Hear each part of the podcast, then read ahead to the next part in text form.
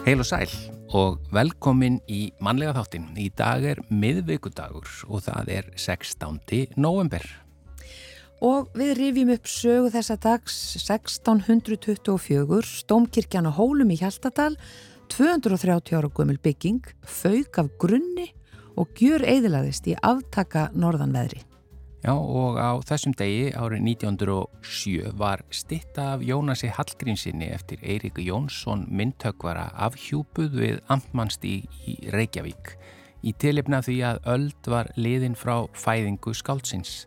Stittan var svo fyrsta sem að sett var upp í Reykjavík eftir annan Íslanding en Torvaldsen og hún var síðar flutt í hljómskálagarðin þar sem hún er nú, nú í dag.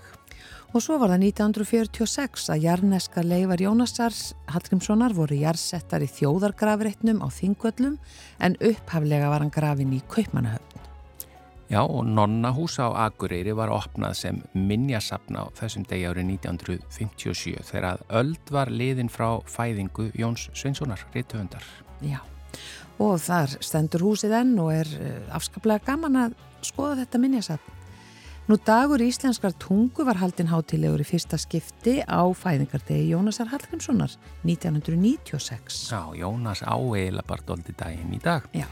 Eh, og svo er það engavæðing bankana 2002 Íslenska ríkið seldi 45,8% hlutsinn í búnaðabankanum til S-hópsins. Og yfir í efni þáttarins í dag. Í dag er eins og kom fram í upprýðunni hér á undan eh, ammaliðstagur Jónasar Hallgrímssonar. Það eru 215 ár í dag frá því að hann fættist og hann varði ekki nema 37 ára. En á sinni stuttuæfi þá hafði hann mikil ári og ekki síst eh, eftir hans dag, ljóð hans og skrif og hvernig hann leik sér með tungumálið okkar og það er auðvitað engin tilviljun að dagur íslenskra tungu hafi verið settur einmitt á ammælistag Jónasar. Og af því tilefni ætlum við að fá önnu Sigriði Þráhansdóttur, málfarsráðunautur úr til þess að koma í þáttin og tala við okkur um Jónas og hans órjúvanlegu tengingu við íslenska tungu. En hún á samt Elínu Elisabeth Petu Einarsdóttur gaf nýlega út bókina á Sporbaug, nýirði Jónasar Hallgrímssonar Það verður sem sagt Jónas og íslenska tungan hér eftir nokkrar mínútur. Hörður Svavason, leikskólastjóri á leikskólanum Aðalþingi, segir að álægi vegna þrengsla í leikskólum sé orðið svo mikið að fullartna fólki forði sér, þess vegna sé erfitt að ráða fólk til starfa í leikskólunum. En eftir sitja börnin þau geta ekki forðað sér og aðstæður þeirra eru óviðunandi og valdi áreiti og álægi. Hörður hefur rannsakað hvaða rými börn hafa í leikskólum og hann bendir á að leikskóla séu meira mannaðir á Íslandi en í öðrum löndum vegna þess að viðbröðum vegna aukins álag sem þrengslinn valda hafa verið ákall um aukna mönnum og hörður telur að ef börnin hefðu meira rými á borfið það sem gerist í öðrum löndum þyrti ekki eins mikla mönnun. Við ætlum að heyra aðeins í herði hér og eftir. Svo kemur Elin Björk Jónasdóttir veðurfræðingu til okkar í veðurspjallið og í dag ætlar hann að tala við okkur meðal annars um með hlýjindi í oktober og ábyggilega einhvað fleira. En við byrjum á tónlist eins og auðvitað alltaf þetta lag heitir Reyknaðu með mér sem þau syngja saman Björn Jörundur og Raka Gröndal.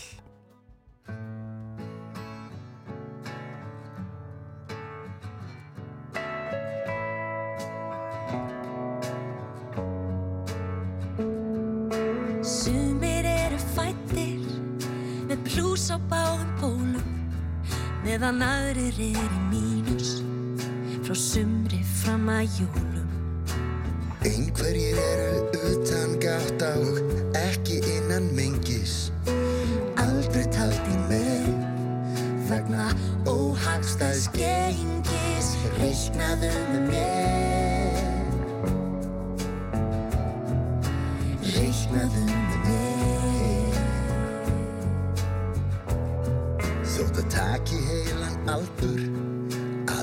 sitt samræmi getur samband myndli tvekja verið ósköp einfalt dæmi. Að deila sama tím og rúmi er gaglegt gaman og draga aðeins frá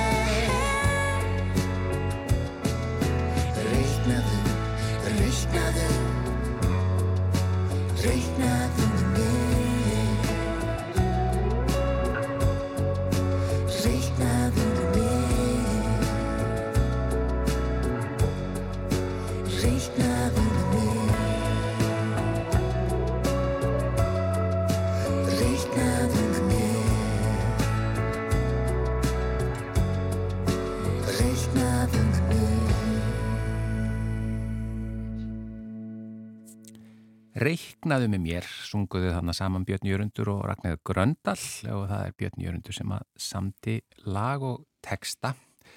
En talandi um lag og texta, það er að segja aðalega texta kannski, lagateksta og, og annað og bara uh, skálskap og uh, íslenska tungu. Það er dagur íslenska tungu í dag og hingaði komin að Anna Sigriður Þráinsdóttir, málfarsraðunundur Rúf, velkomin. Takk fyrir.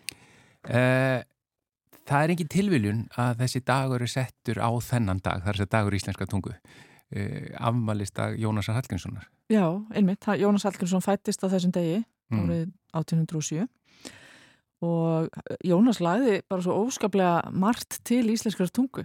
Það er bara vel við, hann er auðvitað þjóðskáldið já, og orti og döðleg kvæði sem enn að lifa bara á vörum þjóðarinnar. já. En hann líka bjóð til fjöldan allan af orðum. Já, og Eh, því sko, hvað, hvað er í rauninni lifir eftir hann og hvað, hver áhrif hann hefur haft e, á ekki nema 37 árum? Ótrúlegt, ótrúlega afköst því að hann, hann fór þar auðvitað ekki til kaupmannafnar fyrir hann yfir tvítugt. Já, Þannig að þetta var ekki langur, langur, lang starfsæfi hjá Já. honum. Hann var í námi og starfi á þessum tíma og, og hann skrifaði ókjörin öll að hann náttúrulega orti eins og við vitum öll, fjöldan allan af bæði, bæði ljóðum frá eigin brjósti og tækifæris ljóðum sem hann orti eftir pöntun já, og gegn greiðslu. Og svo uh, skrifaði hann auðvitað sendi bref og da, held dagbækur. Skrifaði, þeir skrifuðu stávinirnir það var engir símar og, og engar, engar, engin snjáltæki til að senda skilabóða milli og ljósa það Fjölnis, já, og... Jónas og félagar hans, já, Já. Bæði, bæði voru þeir sko víða, þeir voru ímist á Íslandi og í Kaupmannöfn, en þeir skrifuðust mikið á. Já, uh, ekki allir alltaf á sama stað og sama tíma, þannig að Jónas fór til dæmis tölvist á eftir félögum sínum utan. Svo sko í rauninni svo náttúrulega blandast inn í þetta það ekki svona sjálfstæðis e, barátta Íslands?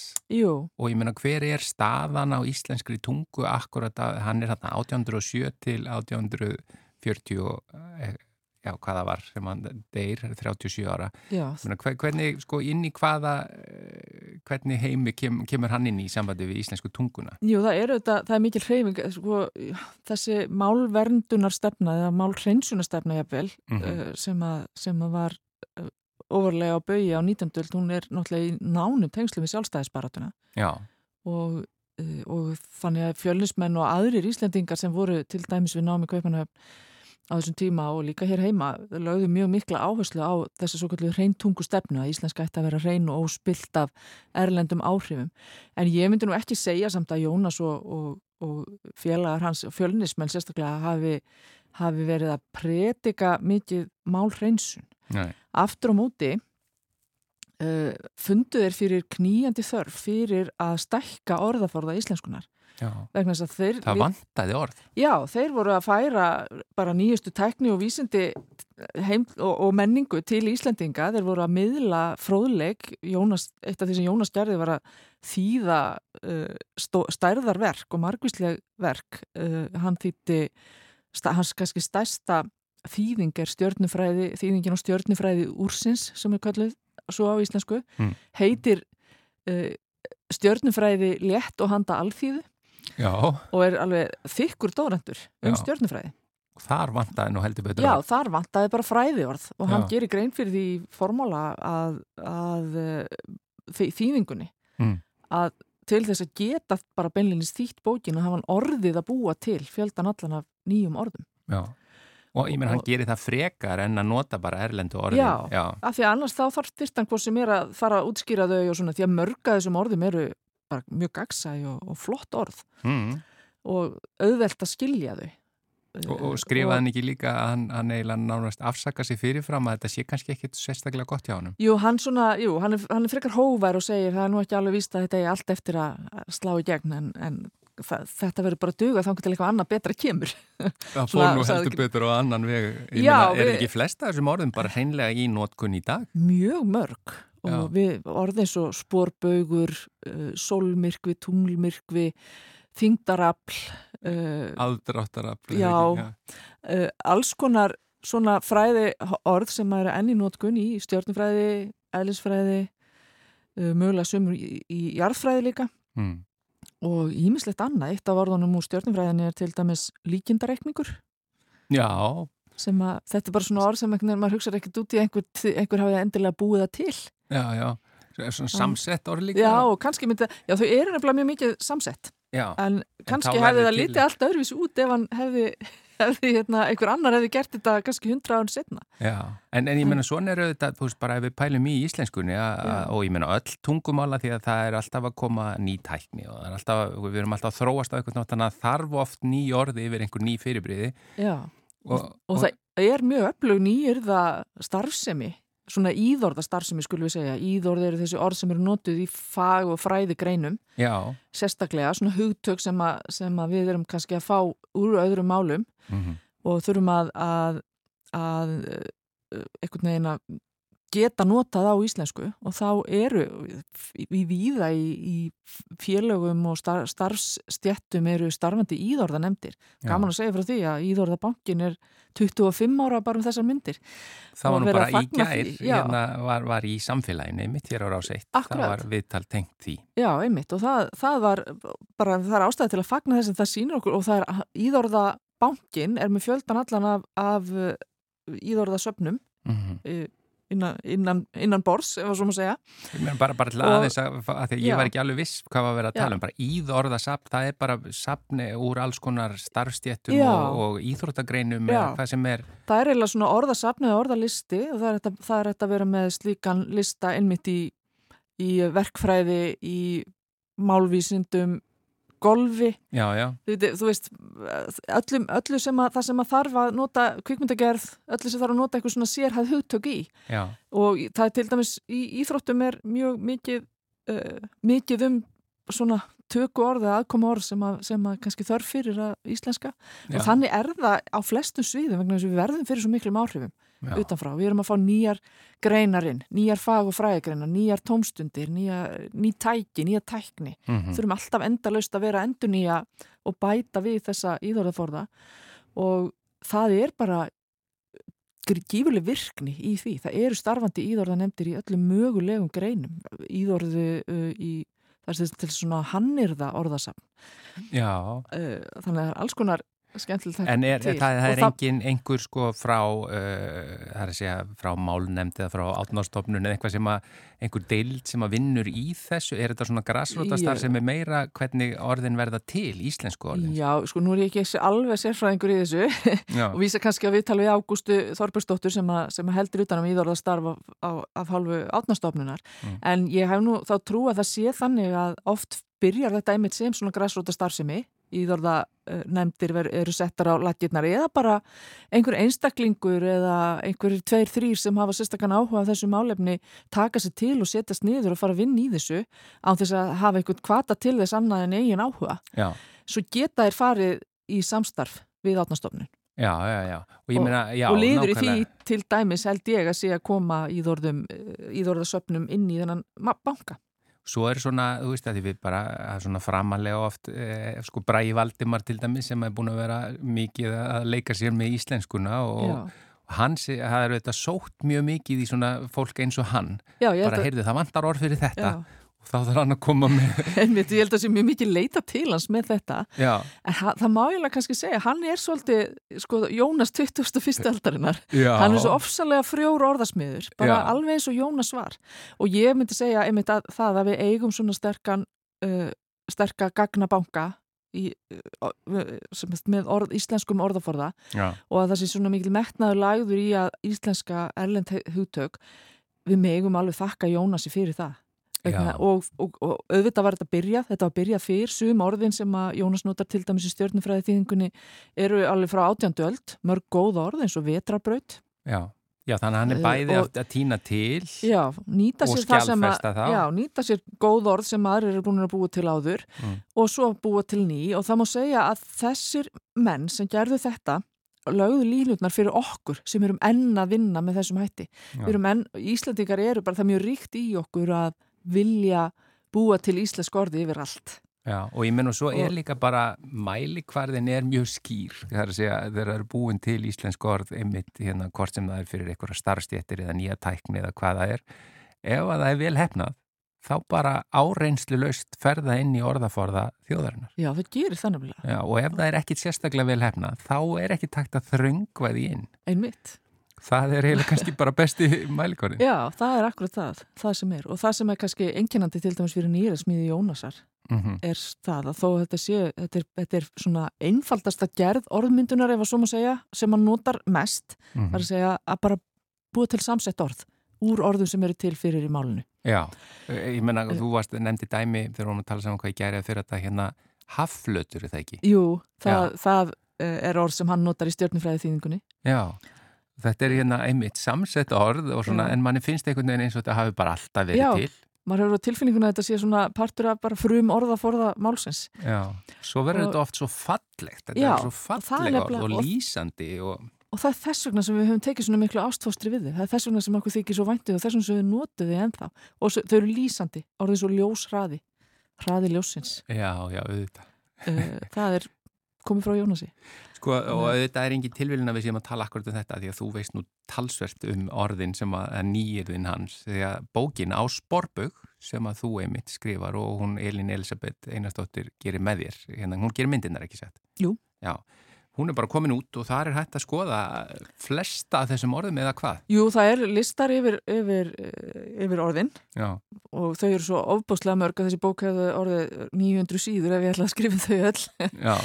En svo eru svona vangaveltur um þessi orðin í, sem eru svona megin meðfram og með mynd, mynd uh, sögun í saga Jónasar sem það rakin í myndum og svo eru alveg stórkustlegar myndskreitingar með, eða, já, myndlýsingar heila ef það svo má segja, Já.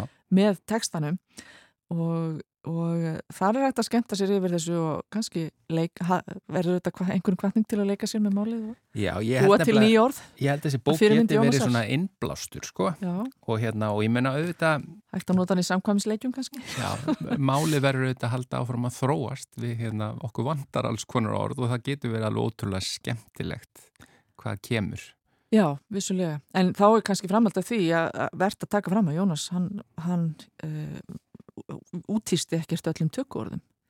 Nei, Ég er nú ekki með einn dæmi um tökuorð sem hann tekur upp í sín rit en, en því ég var bara ekki beinlýns ekki að skoða það en, en uh, ég hef ekki orðið vör við það í þeim, því sem ég hef lesið mig til um, um eins og brefaskriftir og skrifi Jónasar að þeir hafi endilega, Jónas og félagar endilega viljað hreinsa íslensku af öllum ellendum áhrifum. Ástæðan fyrir þessari nýri smiðallir er fyrst og fremst knýjandi þörf fyrir hugtök já, hann vantaði nýjan forða. Já. Þessi fræði, en svo auðvitað leika sér að í ljóðunum að búa til alls konar fallegar samsetningar sem að, sem að gera okkur öll hérna kom út á okkur tárunum og svona. Anna Sigri Þráinsdóttir, eh, málfarsraðanendur hér á Rúf. Takk hjálpa fyrir að koma til hammingju með dag íslenskrar tungu. Við endum auðvitað á lægi sem að með texta eftir Jónas Hallgrímsson. Takk fyrir komuna.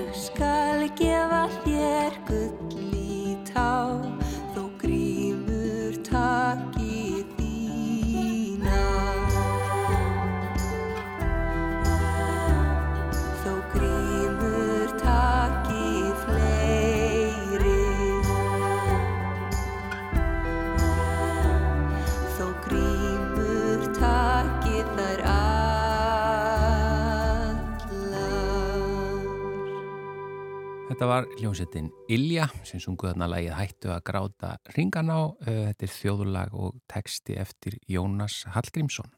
Hörður Svafarsson, leikskólastjóri á leikskólanum Aðalþingi, segir að álægi vegna þrengsla í leikskólum sé orðið svo mikið að fullorðna fólkið forði sér.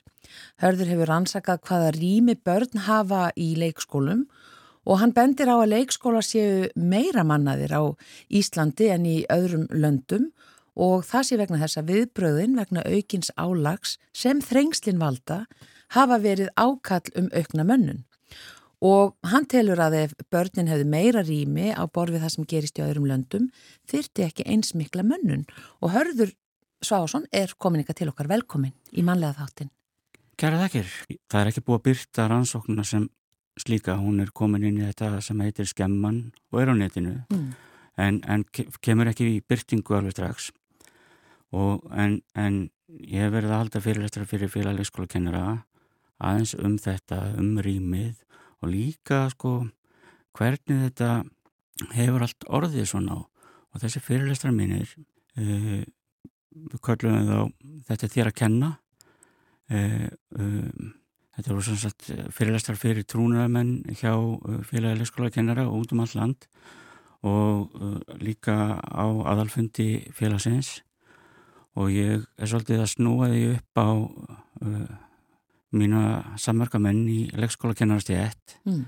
að nú þurfum við svolítið að taka til okkar á það veist, það eru aðstæðir í leikskólum eru ekki eins góðar eins og þær þurfa að vera.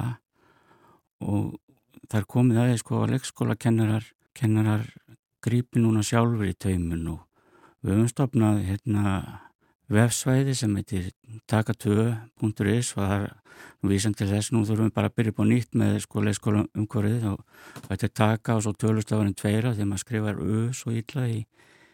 Og það er þetta skrá sig inn og við ætlum að búa til einhvern svona aðgerðuhóp og vera bara aktivistar og, og hafa hérna skipuluðu feministarhefingarnar okkur að fyrirmynd og, og láta svolítið í, í okkur heyra. Já. það er sko þegar ég segi sko þetta er þér að kenna eh, það er kannski aggressíft og ásakandi.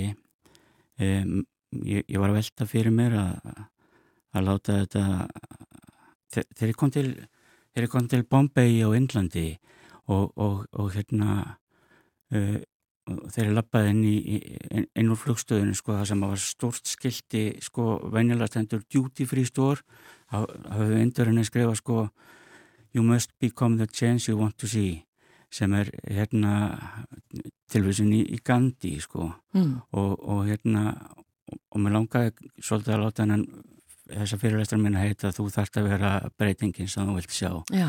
en við erum búin að fara svo mikið í gegnum það á undanförnum árum sko uh, einhverja svona eitthvað sjálfspepp og vera með einhverja námstefnur sem heita startu með sjálfur og hugarfarskiptir máli og eitthvað svo leis og það er það bara virkar ekki lengur að taka þetta á einhverju jákvæðu hugarfari það er bara svona einhvers konar einhvers konar meðverkni sem að við höfum verið í Mm. það er alltaf að bæta stákur verkefni, það er alltaf að hérna, fjölga börnum og, og, og það er búið að gerast markvist í gegnum árin. Eitt af því sem var hérna skemmtilegt sem að kom fram í þessari rannsókminni, ég fór, ég aðtóði löggjöfuna frá upphafi. Síðan að fyrsta löggjöfun um leikskóla kom fram 1974 þá héttu þau lögum þáttöku ríkisins í byggingu og ekstra í dagastærimela og um, það voru ekki liðin nema svona tvö ár þegar að sko valdiðin er á alþingi. Við getum alveg kent það vald við feður að búa að fatta það að við ætlum ekki að vera sko borgangurum konum fyrir að passa börn fyrir einhverja aðra konum til bæ. Þannig að þeir dróðu sig út úr reksturinnum og svo nokkur árum síðar að þá draga þeir sig út úr byggingu þannig að það er ekkert fjármagn frá ríkinu inn í leikskóla. Sveitufélagin hafa bara tekið þetta verkefni í fangið og þannig veru unnið kraftaverk af því að það er engin lög heldur sem segja sveitufélagum að þau eigi að byggja leikskóla þau Mm. eru bara gert það, þau eru bara að krafa samfélagsins, báðir fóröldrar þurfa að vera á vinnumarkaði og hvað gera þau í þessu peningalessi og fjármagnsskorti sínum þau byggja lítil hús og svo finna þau alls konar leiðir til þess að fjölga börnum í þessu rými. Já. Ein breyting það hafði staðið í lóðunum að átt að mæla rýmið vekk í vekk. Það semst menn áætlað þeir halda sig að setja börn inn í, inn í hérna, eitthvað rými, eitthvað barn hafið þrjá og hálfum fermetri sem er nú alveg skadalega lítið en það er bara ekki þannig. Það, ef þú hugsaður sko þrjur hálfum fermetri það er hvað rými sem er minna en hjónarum og tekur lítið barn, tvekjar á barn, setur það í rými sem er minnan hjónurum, setur svo hátalarinn í gang og skilur barn þarna eftir í þessu plássi í 8-8,5 tíma. Þetta eru aðstæðina sem menn heldur var að bjóða börnum upp á, en það er í raun og veru verri, sko. Eitt skiptið sem sagt breyttur lögjöfunni þannig að e, þá ekki lengur að mæla veggi vegg, þá að mæla brútó. Og hvað þýðir það? Það þýðir að utanmálið á húsunni er mælt og allir innveikirnir og, og, og hérna, sem þýðir það að hérna, við erum með börn inni í leikskólanum út á rýmið sem vekkirnir taka og það var einn kennarinn sem ég talaði við til deltastjórin sem að sagði við, við erum með í raun og veru sko bara börnin í vekkjónum og, Mm. og það heitir þessi, þetta verk mitt, þessi rannsóknarít gerð börnin í vekkjónum. Já, en svona hvernig er þetta rými reiknað, sko, er eh, borðplás tekið með eða þú veist, hvað er tekið inn í reiknistæmið, af hverju er þetta svona lítið plás? Þetta eru svolítið óljósar sko, þetta eru óljósa reknireglur og það er raun og veru búið að fjarlæga sko allar reknireglur úr lögjöfinni e, á sama tíma og sko mönnum þótti hérna mikil ástæða til þess að fara með rými sela í hústyrgarðinum úr, úr 50 eitthvað upp í 90 fermetra á sel að þá, þá hérna þá ánæma reglur um rými í leikskólum. Smátt og smátt minguður þetta. Einu sinni sömdu leikskólakennarar um að fá herri laun að það kemur fleiri börnin í leikskólan og þá í kjölfæri kom reglgerðabreiting og Þannig að það er, ein, það er engin reglugjörð til um, það er enga reglur. um stærðina. Nei, Hvað meinar með að það sé sem sagt, þurfi meiri mönnun í þessum þrengslum? það er það sem að hefur verið kallað eftir. Uh, auðvitað kennarar upplifa álag. Og þetta er kannski fyrir ef það myndir nú einhver sveitastjórnumæður slýsast til þess að sko hlusta á hana þátt. Að, að, að hérna við erum búin að spara við okkur í stoppkostnaði það er að segja byggingu húsuna við byggjum lítil hús. Það er allt önnur vimmið varðandi sko leikskóla og, og grunnskóla. Leikskóla minn kemst fyrir í andirun í grunnskólanum í hverjunu Þannig að við erum ennþá að byggja Og- svona litla leikskóla. Já, já, það, það er engin breyting og engin stefnumbreyting á þessu og auðvitað ekkert fjármagt frá ríkinu að koma og, og, vandin er kannski líka sko sveit, sveitafélagin er ekki að kalla eftir þessum peningum. Og ég held sko að mikil starfsmannavelta í sveitastjórnum alltaf 50% sem hætta við hverju kjörtjöfumbil að mennur svona byggja upp þekking og svo fara þér og ef einhver fræðslustjóri ef einhver formar fræðslur ás heldur áfram einhver staðar að því að flokkurinn segir já þú ert góður, þú ert maður flokksins þú færð að bjóða þig fram aftur þá var hann sko að því að hann var formaður yfir leikskólanemdini þá far hann stöðu hækkun og er gerður að formanni byggingar og skipularsarás í eftir kostningar eða eitthvað þannig að það, það bara það er lítil þekking á þessu máluflokki hjá sveitarstjórnum og þeir einhvern veginn bara er að alltaf að sveifla einhverjum innihaldslösum lofurum sem ekki er hægt að efna um, um að taka inn yngri og yngri börn.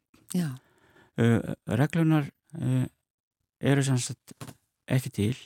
Þa, það, það var breyting sem var gerð uh, 2009, það kom ný lög 2008 og svo komu reglunar 2009 og fólkið í leikskólunum finnur fyrir þessu aukna álægi og það hefur kallað eftir við þurfum fleira fólk og það er það sem að sveitufélagin hafa gert. Skólarnir hafa verið meira mannaðir. en þessi þrengsti valda, já miklu álægi, áreiti og, Eðlilega, Já. eðlilega. Ég hef stundum vísað á sem fyrirlesturum á sko 2015 þegar Lóan eh, kom og, og það voraði seint og þessi friðsæli fugl hann fann sér bara ölliti plásnir lengsnir á lálendi sko. Og það var hann voru þeir á sko nálat hver öðrum og þá eru þeir aggressífur. Og það var hægt að googla og getur flett upp uh, hérna fréttum frá 2015 um, um, um lóur sem að er að ráðast á fólk af því að það hefur svo lítið pláss. Og og veitur bara þegar rýmið er lítið þá er maður meira áver með meiri sérkjenslu hér en annar staðar. Og viðbröðin hafa verið að setja fleira fólk inn í skólana og það eru þetta dýrt. Og, og hann hafa verið setjum upp með dýran með lágan stoppkostnað út af litlu rými en dýran ekstra kostnað ég var úti í Reykjavíð Amelia sem að, sem að skóla minn sækir hugmyndafræði þangað í, í vor og á Ítali. á Ítalíu. Og ég fekk að mæla skólan sem við skoðum það voru 68 börn þar og þegar ég var að kveðu þá sagði ég sagði ég um það að ef þessi skóla var á Íslandi þá var það 150 börn. Og þetta er svona, við erum að reyna að vera jafn, með jafngóða skóla og þetta fólk í, í bara einhverju plási sem er ekki til. Þannig að þetta, þetta gengur ekki lengur, segir leikskólakennarar og þeir eru með þennan e, hóp sem þið stopnuð, svona þrýsti hóp um breytingar. E, og þú ert að halda áfram að rannsaka þetta með rýmið og Mm, ég, ég held að sko það, það, það komu það vakna fleiri spurningar auðvitað þegar maður fer og spyrir einhver og fær einhver svör þá va- vakna oft fleiri spurningar og mm, við þurfum að vita betur svona hversu lengi börnin er í þessu rými og, og hvað er til ráða. En ég hef svolítið verið að sko segja líka við kennarana sko þegar ég er að segja að þetta er ykkur að kenna. Þetta er sem sagt sko kennarar, eh, sko, leikskólar eru til, það voru konur sem stopnuðu þá, það var alltaf verið konur þarna í forsvari og þetta gerist á þann tíma þegar konur höfðu engin völd uh, reðu engu og kannski nýbúinur að fá kostningarétt og svona og, og, og, og þær eru þarna ennþá og þær finna það sko, þær finna hvað þetta er erfitt en, en sko það er einhverjir aðrir sem er að einhverjir þeir, einhverjir kallar á bæjarskrifstofunum eða skólaskrifstofunum eitthvað svona, Mm. það er svona þetta er, þetta er arfur hennar valdalyssi þannig að ég, ég svolítið verið að segja sko valdalyssi býr ennþá í leikskólanum sko þá samfélagið hefur þróast Já. Takk fyrir þetta Hörði Svavarsson, leikskólastjóri á leikskólanum aðalþingi og við höldum bara áfram að fylgjast með, með þessu. Takk fyrir, gaman að koma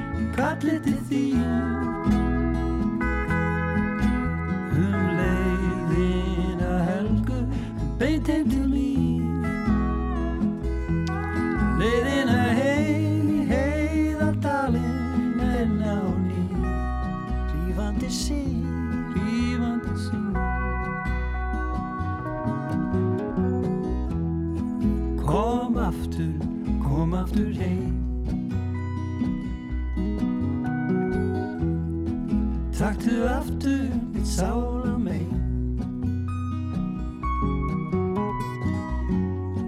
Ljós beri manna heim Legðu stein, legðu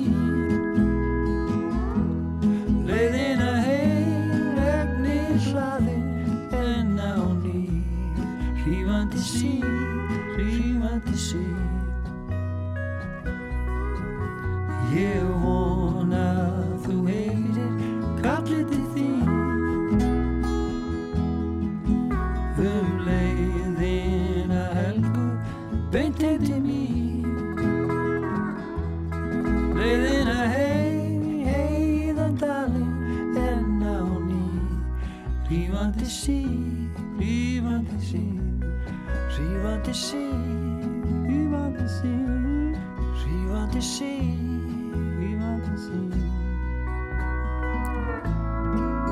Já, þetta eru þeir K.K. og Június Meivand, lag eftir Június Meivand sem að heitir Skía Glópur. Já, uh, eins og við tölum um upphafi þá er hún komin hér í dag, hún er yfirleitt á þriðdöfum með okkur en í dag er miðugudagur og það er veðurspjall með Elinu Björg Jónasdóttur. Veðurfrængi, velkomin. Takk fyrir, góðan dag. Góðan daginn. Hvað, hérna, hva- hvað er í, veðrinu í Hvað dag? er í veðrinu? Það er náttúrulega lítið um að vera í veðrinu. Þetta er svona haust þar sem okkur er farið að leiðast í austanáttunum, sko. Það er alltaf eins veður. Já, Uh, já, en það er auðvitað mikil rigning núna á Suðaustur og Austurlandi og verða að fylgjast vel með því á Já. veðstofni. já, og, og, en hlýindi. Já, það vakti aðtegli mína uh, í síðustu viku að ég sá að sem sagt Copernicus á stopnunin sem er svona loftslagstopnun í Evrópu Mm. uh, sem sagt uh, síndi meðaltals hitakort yfir allan heiminn í oktober Já, og, og þá komi ljós að þetta var bara, það er búið að vera alveg ofubáslega hlýtt, mjög víða. já, já, ekki bara hér. Nei, það var, hef, oktober var sko sem sagt, ég skoða þetta nú því það er alltaf, hafi fólk áhuga því þá er gefið út hérna veðufarsiflit fyrir hvern mánuð á veðustofni Já, og hægt að lesa á, á veðu.is já. og Er það þá mánuð aftur í tíman eða fram í tíman? alltaf bara mánaðamótin þá bara sí- síðast liðin mánuður Já, Þannig að að bara-. Já, þannig að núna byrju í nóvember þá kom yfirlitið fyrir oktober Já, og þá sem sagt kom í ljós að, að meðalhitin er Reykjavík á 4,9 gráður uh, sem að er uh, rétt á pari held ég uh, eða aðeins lýra en, en meðaltalið, 30 ára meðaltalið frá 91 til 2020 mm en 0,5 gráðum sko lægra en síðustu 10 ár. já. Af, af hverju bara farið til 91? Við notum alltaf svona 30 ára meðaltöl Já. og við erum nýbúin að sem sagt, í raun og veru uppfara úr 61 til 90 meðaltalinu yfir í 91 til 2020 meðaltal. Já. Þetta er bara svona, svo getum við náttúrulega ta talað um sko 150 ára meðaltöl og alls konar, en við Mhm. notum þetta svona sem, sem viðmið núna. Eh, kannski er þetta bara svona þannig við sem erum á lífi og munum eftir veðrinu getum svona samsamað okkur við hérna, Já, já, einhver, einhver tenging. Já, en á Akureyri var kallt, það var 0,7 gráður sagt, undir 91 til 2020 meðaltalinu Já, og, og 1,1 gráðu undir síðustu 10 árum. Um, meðalhitinu var 2,8 gráður. Það var náttúrulega svo kallt í byrjun oktober fyrir norðan. fyrir norðan og, og hérna og líka, sko það var hlýtt alveg í byrjun svo kom hérna veður það sem var rauði viðvörun og snjóaði í byggð Mhm. kringum tíunda og síðan sagt, var svona svolítið kallt þarna í kjölfarið og svo hlýnaði aftur þannig að okkur finnst núna eins og hafi verið svo hlýtt að það búið að vera hlýtt í já. en annar staðar í heiminum að þá sem sagt eh, vakti það tekli mín að það hefur verið mjög hlýtt. Og mjög hlýtt í Evrópu um, og mjög hlýtt í norðvestur hluta Bandaríkjana og Kanada. Um, Og Hvað erum við að tala um? Ég meina, þú veist bara... við erum að tala um alveg einni gráðu, 1,9 gráðum yfir sem sagt, meðaltalinu sem var fyrir yfirbyltingu sem er það sem við nótum alltaf þegar við erum að tala um loftlagsbreytingarnar Já, þá er farið lengra aftur þá í tíman. farið lengra, Já, en, en samt líka 0,4 gráðum yfir 91 til 2020 meðaltalinu Já, já, já. á Þannig, heimsvísu já. um, og, og hlýjasti oktober frá upphafi mælinga var 2019 Ertu að tala um þarna alveg á heims, á heimsvísu heimsvísu, Já. já. já. og, og sagt, hlýjasti oktober á heimsvísu var 2019 og oktober núna var sem sagt 0,04 gráðum lægri að meðaltali. Þannig að við erum Mm. nánast að jafna þetta hitametru á 2019. Já, Þannig að þetta svona vakti aðtekli mína uh, að, að mörguleiti fyrir það að við höfum auðvitað verið að hlustuðum mjög mikið hérna í haust á hérna áhyggjur ráðamanna í Evrópu af, af orkuverði í Já, já. Evrópu þegar að hérna veturinn kæmi og, og svo hefur lítið spurst af því en sem komið er orkuverð farið að lækka aftur. Uh, það er hluta til vegna þess að það er svo lítið í Evrópu en þá að það er bara enginn farin að kveikja á, á kyndingu. já, sem betur fer í þessu Í ástandi. þessu þar ástandi, þannig að það má segja þarna- var að heyra orku reikningar voru að hækka hjá heimilum jafnvel þrefalt og eitthvað slíkt. og, og svo sá ég fréttum að, að fjöllin í, í svistnesku olpanum eru ennþá alveg snjólaus Já, engin, engin skýði komin engin í gang. skíðasnjör komin í gang þar sem að getur auðvitað haft alveglega afleðingar á þeim slóðum. Já, í ferða mennskunni. Já, og það hefur nú verið svo sem líka sko undarfærið sko svo lít á veturna að, að, snjóflóðir eru orðin algengari þannig að það hefur verið til vandræða í raun og veru Já, það hefur kallað á þær aðstæðir. Já. Að, já, já. og hérna um, en það sem að sko, já, þetta vakti aðtökli mína og svo að því ég var að tala um að við værum þarna 0,4 gráðum yfir þessu 91-2020 meðaltali á heimsvísu. Mm.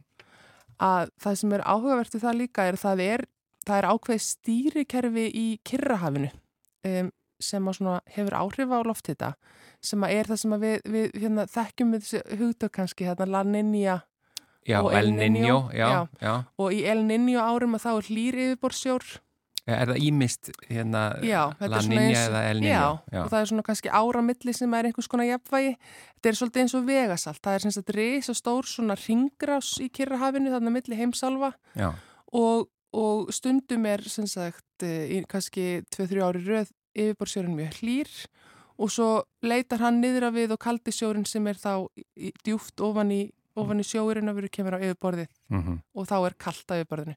Og þetta er svona hi- hitastýring fyrir eh, mjög sko stóran hluta heimsins. Þetta hefur í gegnum bara aldirnar og, og árþúsundina haft mikil áhrif á, á hérna hittasteg og við tölum um að, að þegar það er lannin njó ár Mhm. þá er hiti, þessi, þessi hlýi yfirborðsjór ríkjandi að hann hafi sagt, sko, auka áhrif á hitan þannig að þá hlýnar ennþá meira Mm. þannig að það koma hitabilgjur og svo eru El Niño ár að þá, þá verða þær aðeins verri fyrir vikið.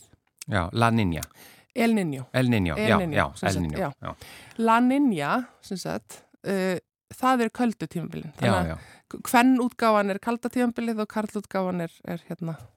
Þannig að þetta fylgir ofta að í, það er að segja, þegar það er virkilega aukning á, eða að segja, mælanleg aukning, þá er það yfirleitt El Niño ár. þá er það yfirlt El Niño ár, en Já. ekki núna Nú, Já. þannig að það er... Þannig að það segir okkur að, sko, að við erum næstu því að jafna þetta 2019 ár sem var El Niño ár.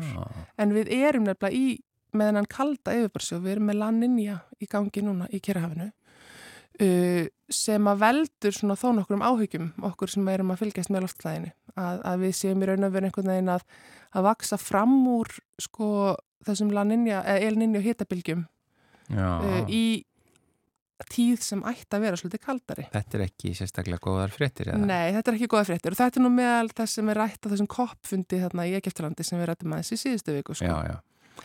að, að við erum að sjá við erum að sjá þessi svona hitamerki á plándinu bara, bara jörðin er eiginlega með hita Já, alltaf núna, ekki bara þegar við erum í einhverjum svona sérstaklega uh, óhefnilegum aðstæðum heldur verðist sko bakgrunnslínunin vera orðin það mikil að hún er farin að yfirskrifa það sem við hefum kannski haldið að að hafa einhver temprandi áhrif mm, það er ekki nógu gott. Nei, það er ekki nóg gott, en eins og segi, það er þannig þessi ljósupunktur að orkuverðið hefur þá ekki verið að, hérna, aukast, en, en sko skemmtirnar og, og, hérna, og slæmi áhrifin af svona árum, til dæmis bara þurkar sem að koma kjálfarið á svona hittabilgjum, uh, eru þetta eiginlega mikið meira skemmandi og, og kosta miklu meira þegar allt er talið heldur en það að það sé ekki, þurfa ekki að kynna hús í já. í einhverjar, einhverjar já. vikur, sko.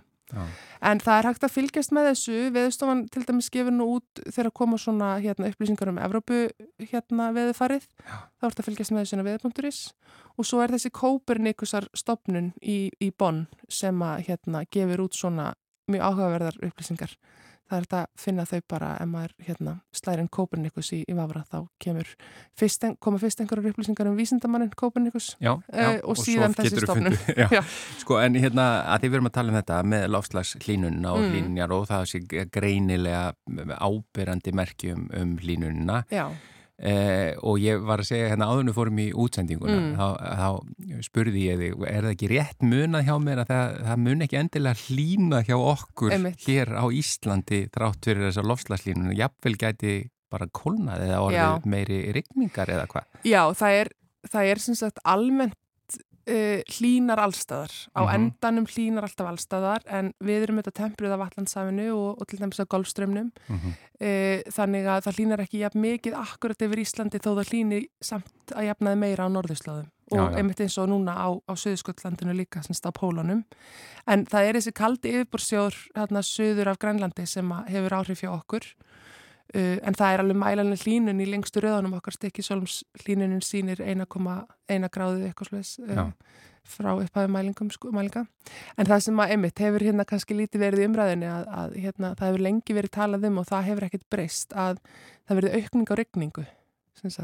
Lít loft ber meiri raka alveg og hérna, og ég man alltaf þegar ég satt svona einna fyrstu fyrirlestarunum sem ég hlustaði á um áhrif loftlagsbreytinga á Ísland og þá sagði Tómas Jóhannesson, já uh, íslensk sömur verða kannski svona líkari þeim skosku, mild og úrkomusum. Já, ég til ég að fá golfvellinni frá. Skotlandi en ekki rigninguna. Ég, ég er alveg hissa hvað Íslandikar hafa bröðist lítið við, við þessu stóra vandamáli. Ég held Svona að við lokum þessar- eironum við, sko ég nefnilega bara fyndi, ég, ég sá akkurat uh, á einhverjum samfélagsmiðlum daginn svona kort af Evrópu og Bandaríkjónum þar sem hefur verið að segja, þú veist bara hérna sólarstundir á ári Já, og það er litað eftir því alveg frá dökkbláu sem eru fæstar sólastundir yfir í alveg svona bara dökkbrúnt það sem er sko 3500 sólastundir pluss á ári. Já, og það er sko í rauninni bara Arizona þetta er sko bandar, tekið fram með drekki allur heiminum, Já. Bandaríkin og Evrópa.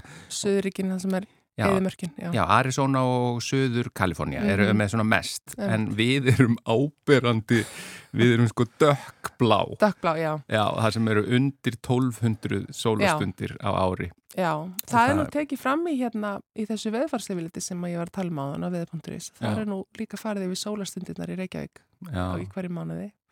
Auðvitað lendum við því að við mælum ekki sólastundir í, í skam, mesta skamdeginu, það eru það eru bara rosa fáar. já, En svo þegar við fáum sumur eins og í sumar þar sem að var meira og minna líka skýjað, að þá þetta fækkar þeim enn frekar, sko. já En segir þetta okkur til dæmis bara með eins og í orku ný, nýri orku hérna ef maður hefði sólarsellur og þakin og húsinu hér í Íslandi þá myndi maður ekkit endilega vera að fá nógu miklu orku eða hvað Já, það er allavega, það er auðvitað, hérna, myndu, sko, takin minni orku heldur en kannski sunnar, Já, en þær eru þó þannig að það þarf ekki að vera glampandi sól. nei, nákvæmlega það, það, það þarf ekki Þannig að á skína beint á sumrin, sko, í, í svona tiltúlega björtu veðri, það sem að er geislun, sko, þrátt fyrir, þrátt fyrir það sé kannski einhver ský, Mhm. þá hugsa ég að þetta gæti alveg verið sniðugt. Ég hef samt ekki kynnt mér það alveg í hörgul, verðið viðkjanna. En þetta er áhugavert, sko. Elín Björk, Björk Jónasdóttir, þakka þér innlega fyrir enn og aftur að koma í veðurspjall. Við, við, já, þetta eru kannski eru ekkit frábærar upplýsingar ef, ef svona jákvæðar en, en við verðum það að vita þetta. Svona, já,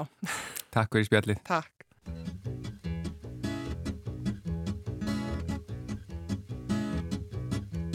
Svífur yfir sænum að þrótum komið ský Snýtir sér í bænum.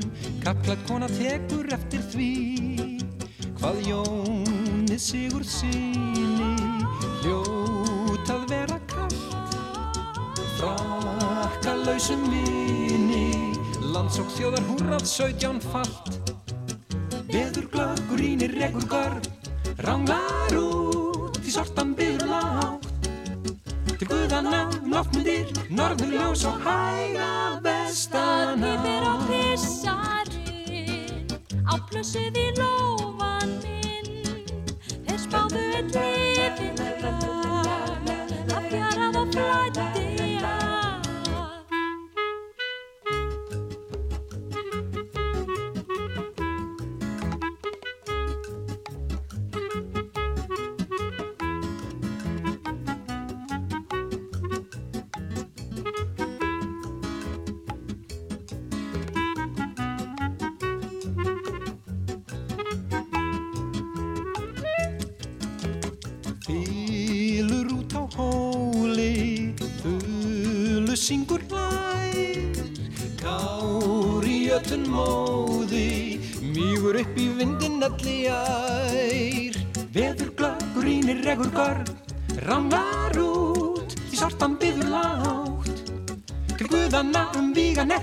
ský skí og ný dekk undir kalsvagnin og svo finnst mér að það mætti fjölga í fiskunum. Og hérna með þess að kó...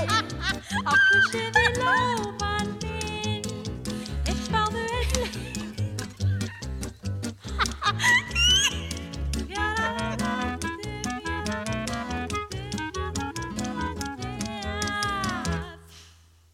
Já, dásamleg alltaf spilverk þjóðana. Eh, Þetta var lagið Veðurglöggur sem átti nú bara vel við eftir spjalli við hana Elinu Björk Jónasdóttur, hún er nú heldur betur. Veðurglögg, eh, lag og texti eftir Egil Lólasson, Valgir Guðjónsson og Sigur, Bjóla, Bjó, Sigur Bjólu Garðarsson. Þetta var síðasta lagið í mannlega þættinum í dag. Við verðum hér auðvitað á sama tíma á morgun þökkum innilega fyrir samfylgdina í dag og verið sæl.